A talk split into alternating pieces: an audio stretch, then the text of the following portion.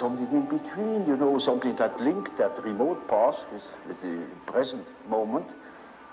Uh, and I found, to my amazement, it is alchemy.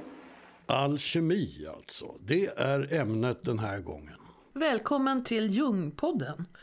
Vi som gör den heter Katarina Baldo Sagado. Och Rolf Wrangnert. Vår podd är Sveriges kanske allra smalaste om livets stora frågor. Jungpodden stöds av Svenska C.G. Jungstiftelsen i Stockholm. Men du som lyssnar kan också bidra, gör det. Stöd oss på patreon.com jungpodden eller swisha ditt bidrag till 070-543 8208. Men vad har Harry Potter med Carl Gustav Jung att göra? Mer än man kan tro. I förrförra avsnittet, det som handlade om ekopsykologin, pratade vi om hur många idag vill återknyta till en urgammal världsbild där allt naturligt, också stenar, floder och planeter, är levande. Och allt påverkar varann. Och människan har ett kosmiskt ansvar. Nyligen tangerades ämnet i ett avsnitt i podden Myter och mysterier med Erik Skylt och Per Johansson som just handlar om naturen. Jag sitter här och tänker, det, finns det inte, det här som du beskriver med, med, eh, med, med Tao och med Qi, finns det inte ett frö av det västerländskt, eller i alla fall i, i kristet tänkande? Jag vet till exempel att du ofta ja, brukar prata om en bok som jag ännu inte har läst, men som har så himla bra titel, som heter, om jag minns rätt, Christ the Eternal Tao. Eller hur? Det finns i vissa eh, grenar inom missionärer i Östkyrkan finns det en del av det här. I, ja. Eh, men delvis fördärvat där också. Men det finns där mera levande än på många andra ställen. Men det kommer ju... Det finns ännu mera likt taoismen i vissa vad man skulle kunna kalla levande tillämpade delar av den hermetiska eh, traditionen. Eh, där, där är det inte så jättestor skillnad egentligen. Om, om, om man förstår alkemi på rätt sätt så blir det väldigt taoistiskt. Och alkemi är ju också ett, en central typ av kunskapstradition inom taoismen. Där, där man pratar, in, in, pratar om inre alkemi lika mycket som yttre alkemi också. Och att det hänger ihop.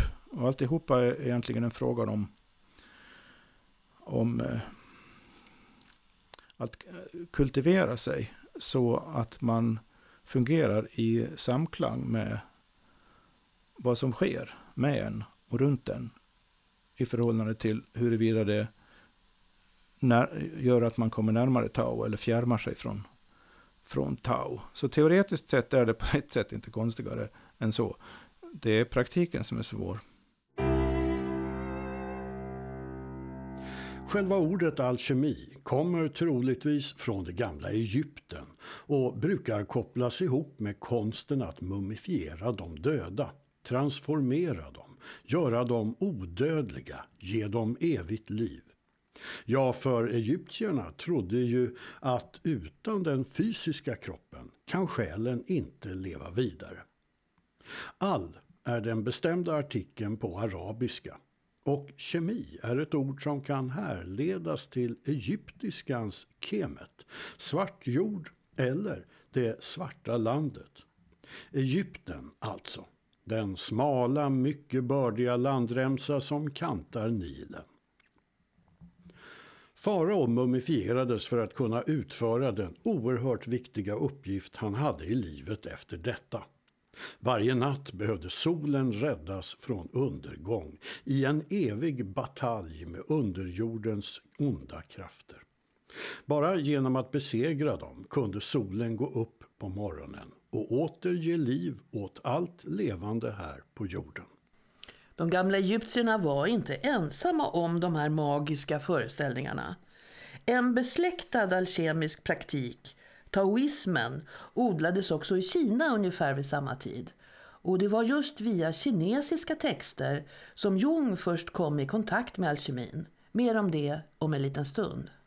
Också i Sverige har det funnits alkemister. Men då får vi hoppa framåt i historien. I Nyköpings hus hittades för lite sedan några konstiga kärl. Hör här när antikvarie Richard Borg berättar om fynden som gjordes när Sörmlands museum skulle renoveras för några år sedan.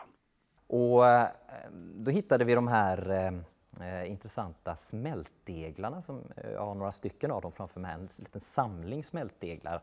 Eh, vissa trasiga, vissa i lite bättre skick, i olika storlekar.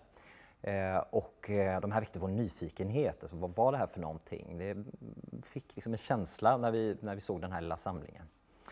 Eh, och när vi då tittade närmare på det här så, eh, så visade det sig att den, den här lilla samlingen då, smältdeglar hittats eh, vid en utgrävning på Nyköpingshus eh, någon gång på 70-talet. Lite oklart var, men någonstans i närheten av det som kallas för Norra vallen, alltså norra sidan av Nyköpingshus. Eh, och vi, vi blev intresserade av de här smältdeglarna och tänkte att det här måste vi kika närmare på. Och det finns en hel del som tyder på att de här då, eh, deglarna kommer från ett, eh, ett eh, metallurgiskt och kemiskt eh, laboratorium som ska ha funnits på Nyköpingshus i slutet på 1500-talet. Och att den verksamheten som pågick där är det som idag kanske framförallt är känt under begreppet alkemi. Eh, och det här är också en plats som har förändrats genom åren. Den har använts till allt möjligt. Under 1500-talet så förvandlades den till ett, ett, eh, ett sorts renässansslott kan man säga, ett sorts palats, palats för den förste, eh, nämligen hertig Karl som, som eh, flyttade in där i mitten på 1500-talet. Ehm, för det är nämligen under hans tid då, det, det är då vi ehm, hittar intressanta spår kring det här som, som rör de här smältdeglarna. Då. Eh, och han var ju eh, eh, Gustav Vasas yngste son och blev ju i och med det också hertig då utav Sörmland, Närke och Värmland och så småningom också kung av, av Sverige. Eh, och det här är en figur som är, som är ganska omdebatterad i, i, eh, av historiker. En del beskriver honom som en väldigt grym och liksom beräknande person som manövrerade ut sina fiender med list och, och våld. Eh, andra lyfter mer fram det här att han var någon sorts företagarfurste, som någon sorts entreprenör som var intresserad av ny teknik, metall, eh, eh, alltså järnframställning och den typen utav, utav frågor. Och han ville förvandla det här då till ett, ett renässanspalats värdigt den första då som han ansåg sig vara. Eh, och eh, i det här så, så, så var det förstås en hel del byggnationer. Alltså han förändrade den här platsen i grunden kan man säga under en, under en, eh, en, en 30 års tid ungefär. Eh, men det handlade också om att knyta rätt folk till den här platsen, till Nyköpingshus. Experter eh, på olika områden, gärna från utlandet, Tyskland till exempel. Eh, han hade ju egen glastillverkning och eh, han var ju som sagt intresserad av det här med med gruvdrift och så, att att få det att, att, bli mer effektivt. Och, och, så han plockade in en hel del folk ut, mm, från utlandet. Och då verkar det som att han också då plockade in en, en alkemist till eh, Nyköpingshus. Det är nämligen så att vid den här tiden i slutet på 1500-talet så skulle en furste, det var nästan ett krav att man skulle ha en alkemist eh, knuten till sitt hov då. Eh, det fanns en särskild eh, stjärnglans kan man säga kring det här med alkemi vid den här tiden.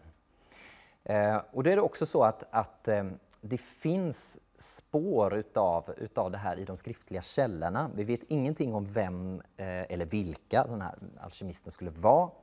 Eh, men det omnämns en plats i olika källor som kallas för en eh, proberkammare. Eh, bland annat då i, i landskaps eh, beskrivningarna från, från Söderman år eh, 1893 till 94.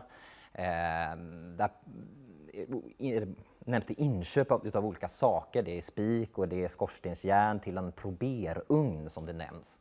Det verkar som ett lite större jobb man gör. Man lägger också in astrakgolv, alltså ett lyxigt sorts eh, golv som, som har ett visst mönster kan man säga. Eh, så det här är en plats som man satsar på lite grann. Och just det att man nämner det här med proberugnen då gör att, att eh, man tror att det handlar om just den här platsen. För en proberkammare, det är just det man brukar kalla ett, ett eh, alkemiskt laboratorium på den här eh, tiden. Eh, det är inte helt, helt säkert var det här laboratoriet då skulle ha legat, men man tror att det var eh, egentligen utanför själva eh, slottsområdet då, alltså i, eh, eh ovanför Norra vallen i, liksom ihopsatt med det som kallas för Änglatornet. Där har man hittat eh, spår av en byggnad. Det, det är hål alltså från bjälkar i, i muren där och eh, lite grundstenar också har man hittat på den här platsen. Och den finns också med på eh, ritningar och, och, uppmätningar och så där utav, utav Nyköpingshus. Och egentligen kan man säga att, att alkemi är egentligen den enda typen utav, utav vetenskap som man pysslade med på medeltiden och framåt. Det, det här, alkemin blir mer och mer populär under medeltiden och så eskalerar det här just under 1500-talet. Eh, under renässansen. Det passar också bra ihop med den tidens ideal och sådär. Och nu är det kanske inte en vetenskap som vi ser på det idag, men, men eh, Eh, man hade en, liksom en världsbild, det kretsade mycket kring guld och att framställa guld. Det var väl kanske också lite grann det som var intressant ur furstarnas då, eh, perspektiv, alltså den här lockelsen att kunna framställa guld och allt vad det skulle, vad det skulle innebära. Då. Eh, och eh, för att kunna göra det här så sökte man då eller, efter något som man kallar för den vise sten som skulle vara någon sorts urmateria, ofta beskrivet som en sorts självlysande rött pulver då, som skulle kunna förvandla olika liksom, lägre stående metaller till just guld. Eh, att liksom kunna styra den här processen, hur grundämnen, ja, man tänkte inte i de banorna, så grundämnen, men hur olika metaller kommer till och sådär. Det, det var mycket målet med alkemin. Men samtidigt så fanns det också någon sorts eh, mystik, eh, alltså mysticism kring det här, att man tänkte sig att under det här sökandet efter den vise sten så så förvandlade även alkemisten sig själv och blev en mer fullkomlig människa. Ju närmare man kom lösningen så att säga, ju mer fullkomlig blev man. Eh, så det fanns sådana tankar också med, med i det här.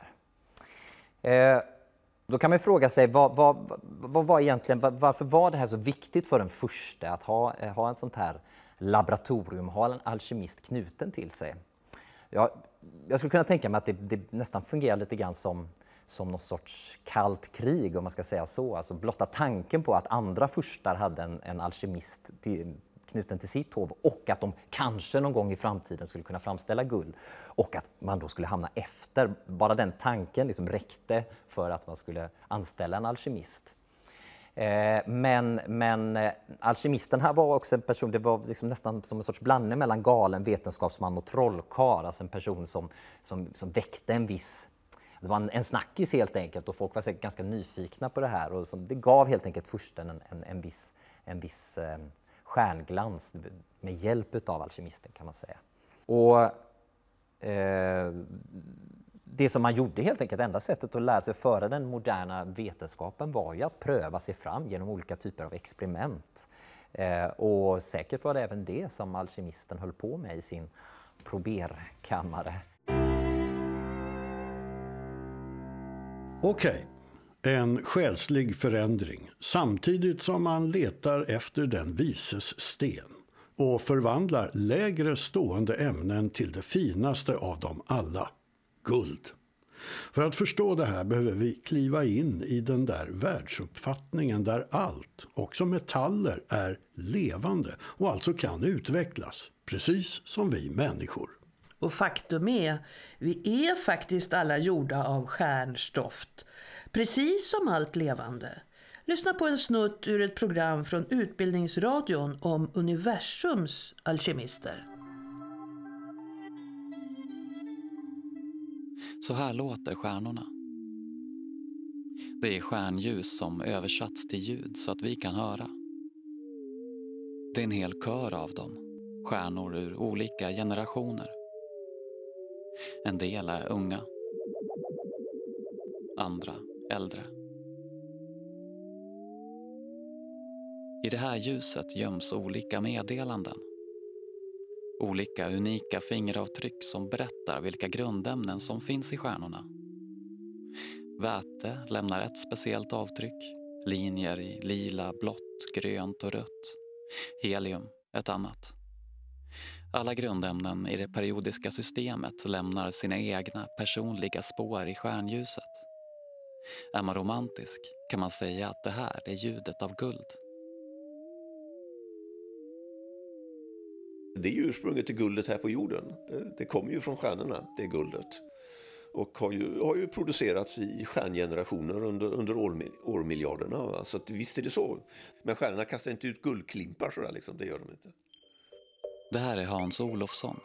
Han är professor i radioastronomi vid Chalmers i Göteborg. Större delen av karriären har han ägnat åt hur stjärnor tillverkar grundämnen under slutet av deras liv. Eller under dödskampen, som han kallar det. Ja, det får man väl kalla det för. Alltså, eh, de, till slut kommer de ju in i en fas då det finns väldigt lite bränsle kvar. Och effektiviteten med vilken de frisläpper energi från det här bränslet minskar också. Så det går fort på slutet. Och sen lever de faktiskt då stjärnorna ett väldigt komplicerat liv på ålderns höst också. Alltså. Ett mycket, mycket mer komplicerat liv än, de, än solen lever för tillfället. När den ju är till stora delar stabil alltså. Och är stabil under årmiljarder. En stjärna blir till genom att kosmiska gasmoln pressas ihop av gravitationskraften. I den enorma energi som då uppstår startar fusionsprocessen. Stjärnan tänds och sprider ut sitt ljus i rymden. Stjärnan lever ett liv i en balans mellan två otroliga krafter. För den ena står gravitationen som vill trycka ihop stjärnan till en så liten och tät boll som möjligt. Men så finns det en lika stark kraft som pressar på åt andra hållet. Som vill spränga bollen och kasta ut innehållet i rymden igen. Det är hettan och trycket från stjärnans mitt där kärnreaktionen pågår. Vår sol håller på med det här just nu. Den lyser genom att vätet i kärnan trycks ihop och blir till helium. Den kommer lugnt fortsätta med det i några miljarder år till. Den befinner sig i den trygga medelåldern. Stjärnorna lever nästan det omvända livet. Om man tittar på den moderna människan så lever ju den moderna människan ett extremt hektiskt liv under, under större delen av sin livstid. Och sen lugnar det ju ner sig på ålderns höst så att säga. Men stjärnorna är det precis tvärtom då. De är liksom stabila och lugna under, under hela, stort sett hela livstiden. Och, men när sen dödskampen eh, inträder då lever de ju ett extremt hektiskt liv. Och, och, döden kan ju bli fruktansvärd om man säger så. Den, eh, den kan ju bli explosiv till och med. Alltså. Men, men sen är ju skillnaden det att, att människan lever ju ett socialt liv, det gör ju inte stjärnorna. Va? Tänker du på dem som ensamma? Ja, alltså det är ju glest ute i universum alltså. Det, det är det ju. Det är ju långt mellan stjärnorna. Definitivt. va.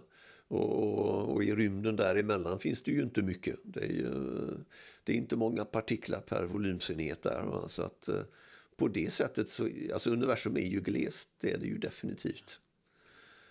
Solen är speciellt ensam. För de flesta stjärnor lever i binära stjärnsystem där två stjärnor kretsar runt varandra det är nog så att majoriteten av stjärnor lever nog ändå i binära stjärnsystem eller, eller kanske mer än två stjärnor. Så på det sättet är nog solen lite unik faktiskt. Den är ju ensam och lever inte i ett binärt. Eh, men många av de här binära stjärnsystemen så ligger ju ändå de här solarna då, eller stjärnorna, så långt ifrån varandra så att det inte spelar någon roll. De måste komma rätt nära varandra för att eh, interaktionen ska börja. Men då blir den ju också våldsam i många fall. Alltså. Då börjar det ju fara över materia från en stjärna till en annan och så vidare. Det kan ju ha drastiska följder på hur, hur, ja, på hur båda stjärnorna eh, kommer att utvecklas. När, när, när stjärnorna väl får ett socialt liv i så mått att de har utbyte med sin omgivning, då, då lever de också ett eh, hektiskt liv. Nu ska man väl inte ge eh, naturen eller varför inte stjärnorna och så vidare några ska vi säga, mänskliga egenskaper eller något sånt där. Va? Så är det ju naturligtvis inte. Va? Utan de, de följer ju fysikens lagar va? Och, och så är det bra med det. Uh, medan det mänskliga sociala livet är ju, är ju komplicerat på ett helt annat sätt mycket mer komplicerat än vad stjärnor är, skulle jag vilja påstå. Och naturligtvis väsentligt mer opredikterbart än, än vad stjärnornas liv är. Jag kan väl säga som så att jag, jag, tycker det är rätt skönt att syssla med fysik och matematik och sådär. Liksom, för att, eh, att det är ändå på något sätt ordning och reda. Va? Att, att, hålla på, att, att arbeta med människor är väsentligt mer komplicerat. Alltså, och i många fall har jag en känsla av betydligt mer tröttande också. Alltså. Ja, många gåtor är det som vi fortfarande inte har några svar på. Universum domineras ju av mörk materia och mörk energi som vi inte vet någonting om. Inte mer än 4% av universums energibudget består av normal materia. Nästan uteslutande väte och helium, de två enklaste grundämnena. Men det är kol som är förutsättningen för att liv ska uppstå. Och varifrån kommer själva livsgnistan? Nu är det hög tid att ta in Carl Gustav Jung i resonemanget. Och vi vet precis när det började. För det var 1927. Jung var 52 och hade i princip hela sin teori klar. Men i allt som han skrev efter 1930 skulle alkemin finnas med som fördjupning, förklaring och som historiska belägg för att hans erfarenheter av det mänskliga psyket, både hos sig själv och hos sina patienter, verkligen stämmer. Det var ett brev Jung fick som blev startpunkten. Brevet kom från den framstående Kina-kännaren Richard Wilhelm. Mannen som introducerade den kinesiska spåkonsten i Qing i västerlandet. Vi berättar ju om det i avsnitt 7 av Jungpodden. Wilhelm och Jung hade lärt känna varandra redan i början av 1920-talet när Jung hade börjat intressera sig för österländska symboler och visdomstraditioner. Nu undrade Wilhelm om Jung ville skriva ett förord till Hemligheten med den gyllene blomman. En översättning till tyska av en klassisk kinesisk text om meditation och alkemi. Ja, ni hör. Här kommer guldet fram igen. Och ja, visst. Den gyllene blomman är en metafor för den andliga energi eller det ljus som finns i allt. Medvetandet, om man så vill. Boken innehåller ett antal yoga och meditationsövningar som kan väcka detta ljus. Jung har själv beskrivit vad det var som hände när han började läsa Richard Williams manuskript. Detta var den första händelse som bröt igenom min isolering. Där igenkände jag något besläktat och till det kunde jag knyta an. Han tyckte att det var ett genombrott. I centrum för mina psykologiska upptäckter, skriver han i sin självbiografi, stod också en inre förvandlingsprocess, individuationen. Och här hör vi Jungs egen röst igen. It is the, the, the, the, the basis of our modern way of conceiving things. Uh, and, and therefore, it is as if it were right under the threshold of consciousness. Uh, uh, this is a, a, wonderful picture of how uh, the development of archetypes, that means the movement of, of archetypes, uh, looks uh, when you look upon them as if from above, Maybe from today you look back into the past and you see how the present moment has evolved out, out of the past. And we can construct or even predict our uh, the, the, the unconscious of our days when we know what, what it has been yesterday. Allt sedan brytningen med Freud 1914 hade Jung störtat ned i det okända. Så beskriver han själv sin livskris i självbiografin Minnen, drömmar, tankar. Samtidigt studerade han alltså gnostikerna, ty, som han skriver, även dessa hade erfarit det omedvetnas urvärld och de hade befattat sig med dess innehåll och bilder vilka uppenbarligen var förbundna med instinkternas värld. Men psykologer var de ju inte. Och Jung hade inte hittat någon obruten tradition sedan gnostikernas tid under de första århundradena efter Jesu födelse.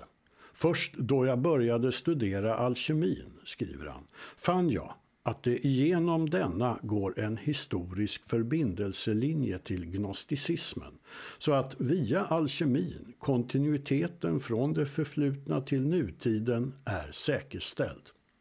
Så som en medeltida naturfilosofi slog den en brygga såväl bakåt till gnosticismen som framåt till den moderna psykologi som sysslar med det omedvetna. En av de viktigaste symbolerna i alkemin är kärlet, där förvandlingen ska äga rum. En typisk kvinnlig symbol, en slags livmoder om man så vill. Och det kvinnliga var ju något som Jung menade att Freud helt hade missat i sin ensidiga och patriarkala psykologi. Jung berättar i sin självbiografi om hur han gav i uppdrag åt en bokhandlare i München att spana efter alkemiska böcker för hans räkning. Men när han fick de där böckerna tyckte han först att det som stod i dem var ren galenskap. Han tittade lite på bilderna och la böckerna åt sidan i flera år. Så en natt hade han en dröm om att vara fast i 1600-talet. Och då började han studera metodiskt. Han la till och med upp ett alkemiskt nyckelordslexikon med hänvisningar. Snart insåg Jung alkemins symboler var de samma som de som finns i drömmarnas värld. Alkemin gav substans åt hans psykologi. Alkemin sysslade med samma eviga arketyper som Jung själv hade beskrivit lever i det kollektivt omedvetna. Man kan förstå dem som urgamla mönster eller bilder som verkligen väcker våra känslor. Ja, i populärkulturen möter vi alkemiska symboler hela tiden, fast vi inte tänker på det. Just Harry Potter är kanske det allra bästa exemplet.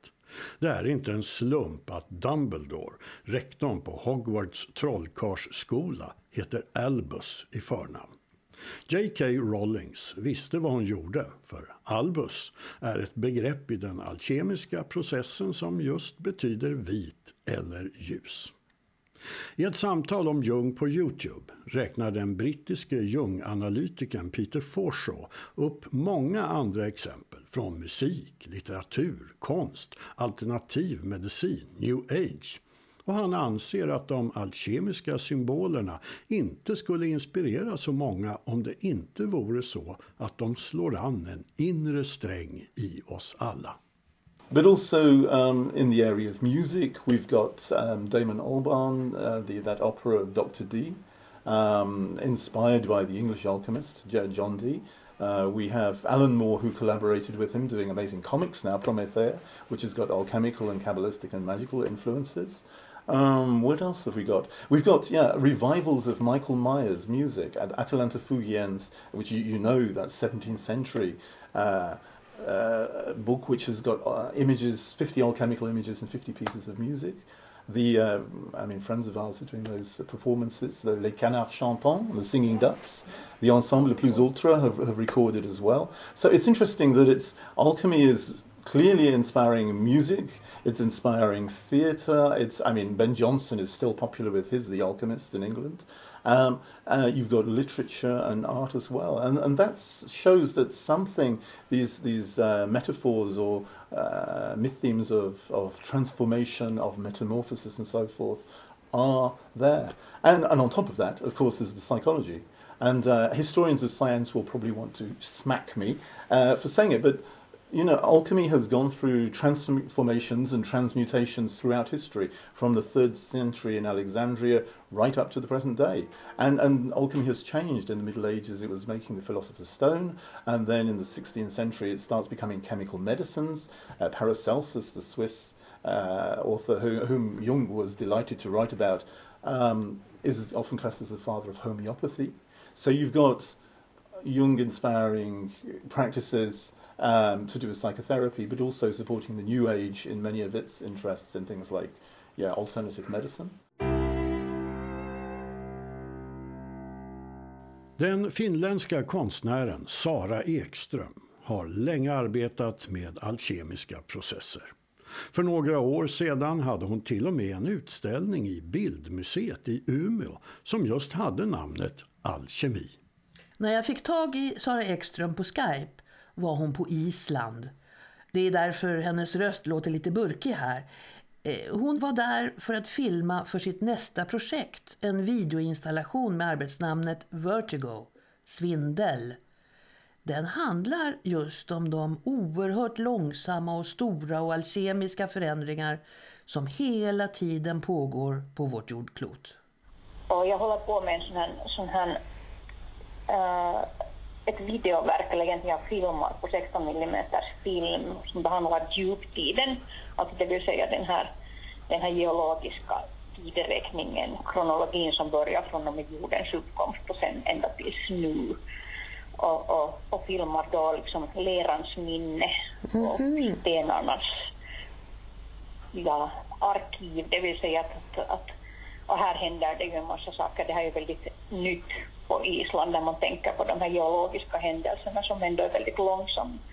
Så att här har vi också en, en enorm metamorfos som är igång, en, ja, en alkemistisk grej egentligen när du har när ytan liksom trycks in mot kärnan och blir till olja och jag menar urskogarna som, som blir till kol och kolen blir till diamant. Så där har vi mm. det är väldigt alkemistiska processer igång och de, och de här tar ju liksom, det här är ju oerhört långsamma, långsamma grejer som det är frågan om. Så jag ska filma den här, den här Fagradalsfjälls vulkanutbrottet som håller på att hända här Just det. Ja. Men vad spännande, alltså du filmar lava och sånt? Jag filmar lava, jag filmar, filmar äh, evolutionsspåren. Jag har varit och filmat på på, på Riksmuseet, eh, alltså Naturhistoriska riksmuseet i, i Stockholm på Uppsalas evolutionsmuseum. Och, och uh, alltså det här har, har de oerhört fina samlingar av fossiler och så vidare. Det här är liksom den här evolutionens kronologi som för, förvaras i de här sedimentskikten. Så att, och sen har jag filmat istidens spår i den finska skärgården och Mm. Och så småningom så bearbetar mig jag fram till människan och då bland annat har jag filmat en droppstensgrottor i Spanien där man har, man har hittat spår då av den tidiga människan och, och hävdar att, hävdas att, att det finns också neandertal, spår av, den, av neandertalmänniskor och deras första grottmålningar. Men vad spännande, det låter ju jättespännande. Ja, där har vi då vår, vår den här, då, den här um, där anser jag att förhinder medvetna föddes i de här, just i de här grottorna där, mm. där människan liksom ritar faktiskt sina första symboler som vi tar liksom med oss ända fram tills nu. Ja, man skulle ju kunna säga också att neandertalmänniskan var tvungen att dö för att, för att vi skulle födas. Ja, jag är verkligen inte insatt i det där men jag har, jag har förstått att vi har neandertalarna i vår DNA så att vi bär dem också med oss. Mm, just det. Ha, har jag förstått då. Precis. Men hörru du, ska det bli en, en film av det här då som, som man kan se? Uh, jo, det här ska bli en, en trekanals sån här installation, en, en, en filminstallation och jag hoppas att jag kan, jag kan visa den också i, i Sverige. Jag har börjat lite förhandla med Uppsala konstmuseum om att de skulle kunna vara intresserade. Du menar att man går in i ett rum och så, så ser man liksom man runt ja. omkring sig de här filmerna? Ja, ja, jag förstår. Vad spännande. Men, men, eh, och som sagt det håller du på med och utställningen ska bli klar om två år, sa du det? 2023? Jo, så nu håller jag på att filma och sen så småningom så börjar vi bearbeta det här materialet och sen, sen, sen ska det bli en, en sån här en filminstallation, en rumslig installation. Mm. Så, att, så att du kan uppleva det väldigt fysiskt det här sen som, som gå in i, i bergsväggen. Okej, okay, vad spännande och låter otroligt spännande. Och då så kan man ju säga, då, du, du använder alltså jordens historia, så här, koka ner den så att man kan uppleva den i en annan tidsdimension så att säga. Ja, jag hoppas att, att, att kunna förmedla den här, liksom den här, den här uh, ska vi säga, den perspektiv, det här, eller jag tycker att det är frågan om ofattbara tids, uh, liksom, sträckor.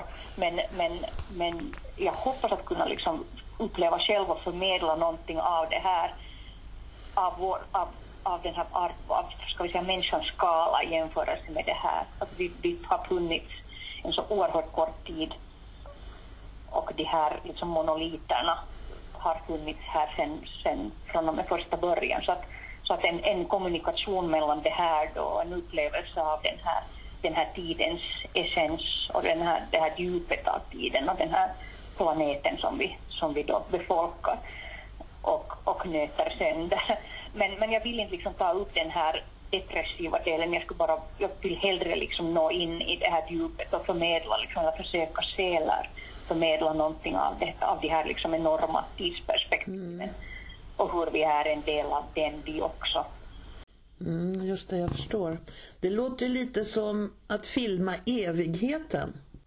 Ja, om, om, om det finns något sånt som evighet. Ja, men det är, tid, det är tidsgränser som är bortom mänskligt förstånd. Så att om det finns någonting som är evigt så är det ju när det är så här. Man kan inte, man kan inte fatta det helt enkelt. Det är bortom mänskligt Nej, förstånd. Mm. Vi får bara en massa nollor efter varandra men det berättar just ingenting. Nej, just det. Just det. Okej, okay. finns det någon koppling mellan det du håller på med och saker som händer just nu i vår tid? Ja, sen är det ju säkert ett, på ett sätt deltar i den här antropocen-diskussionen som, som, som förs. Men, men jag vill inte liksom anknyta det bara till det utan, utan utöver det hellre, eh, ska vi säga till teman som är mera, ja, mera då på en sån evig skala än en nu-skala. Att, att, att på något sätt också öppna en, en, en, en möjlighet att, att eh, på ett sätt tror jag att vi vårt historiska minne är oerhört kort också och, och det är liksom en sådana saker som jag ofta vill relatera till genom mina arbeten mm. också. Att, att, att påpeka att, att vi lever inte bara här och nu utan vi är en, en del av en kedja som, som fortsätter också efter det här och kan liksom ses långt tillbaka i tiden. Så att, så att jag tror att där finns en viss sorts blindhet som, som vi drabbas av. Mm. Att, att just den här exempel paniken som drivs nu, vi, vi, vi blir väldigt blinda för, för både det förflutna och framtiden. Mm, just det. Och, och, när, vi, när vi blir det så ser vi inte en chans till en förändring heller. Så att det är kanske något, något sånt här som ligger under den här under den här processen, den här filmningsprocessen, mm. behovet av att, att filma någonting som, ja, som kunde då kallas för evigt. Den 26 juli är det Jungs födelsedag. I sommar har det gått 146 år sedan han föddes. Då är vi några som brukar träffas och äta lunch och prata om det senaste i Jungvärlden. Ja, för den utvecklas ju hela tiden. Mm. Och i nästa avsnitt av Jungpodden så kommer det handla om mandalan. Den där runda geometriska figuren som finns i moderna färgläggningsböcker och som Jung använde i sin analytiska psykologi som bild för självet. Gå in och prenumerera på Jungpodden på iTunes eller Youtube eller Soundcloud. Jungpodden finns också på Facebook. Och bli vår sponsor på Patreon. Gå in på patreon.com och sök på Jungpodden och bestäm dig för att betala en liten slant för varje avsnitt vi publicerar. Tack på förhand. Vi hörs! Ja, vi hörs!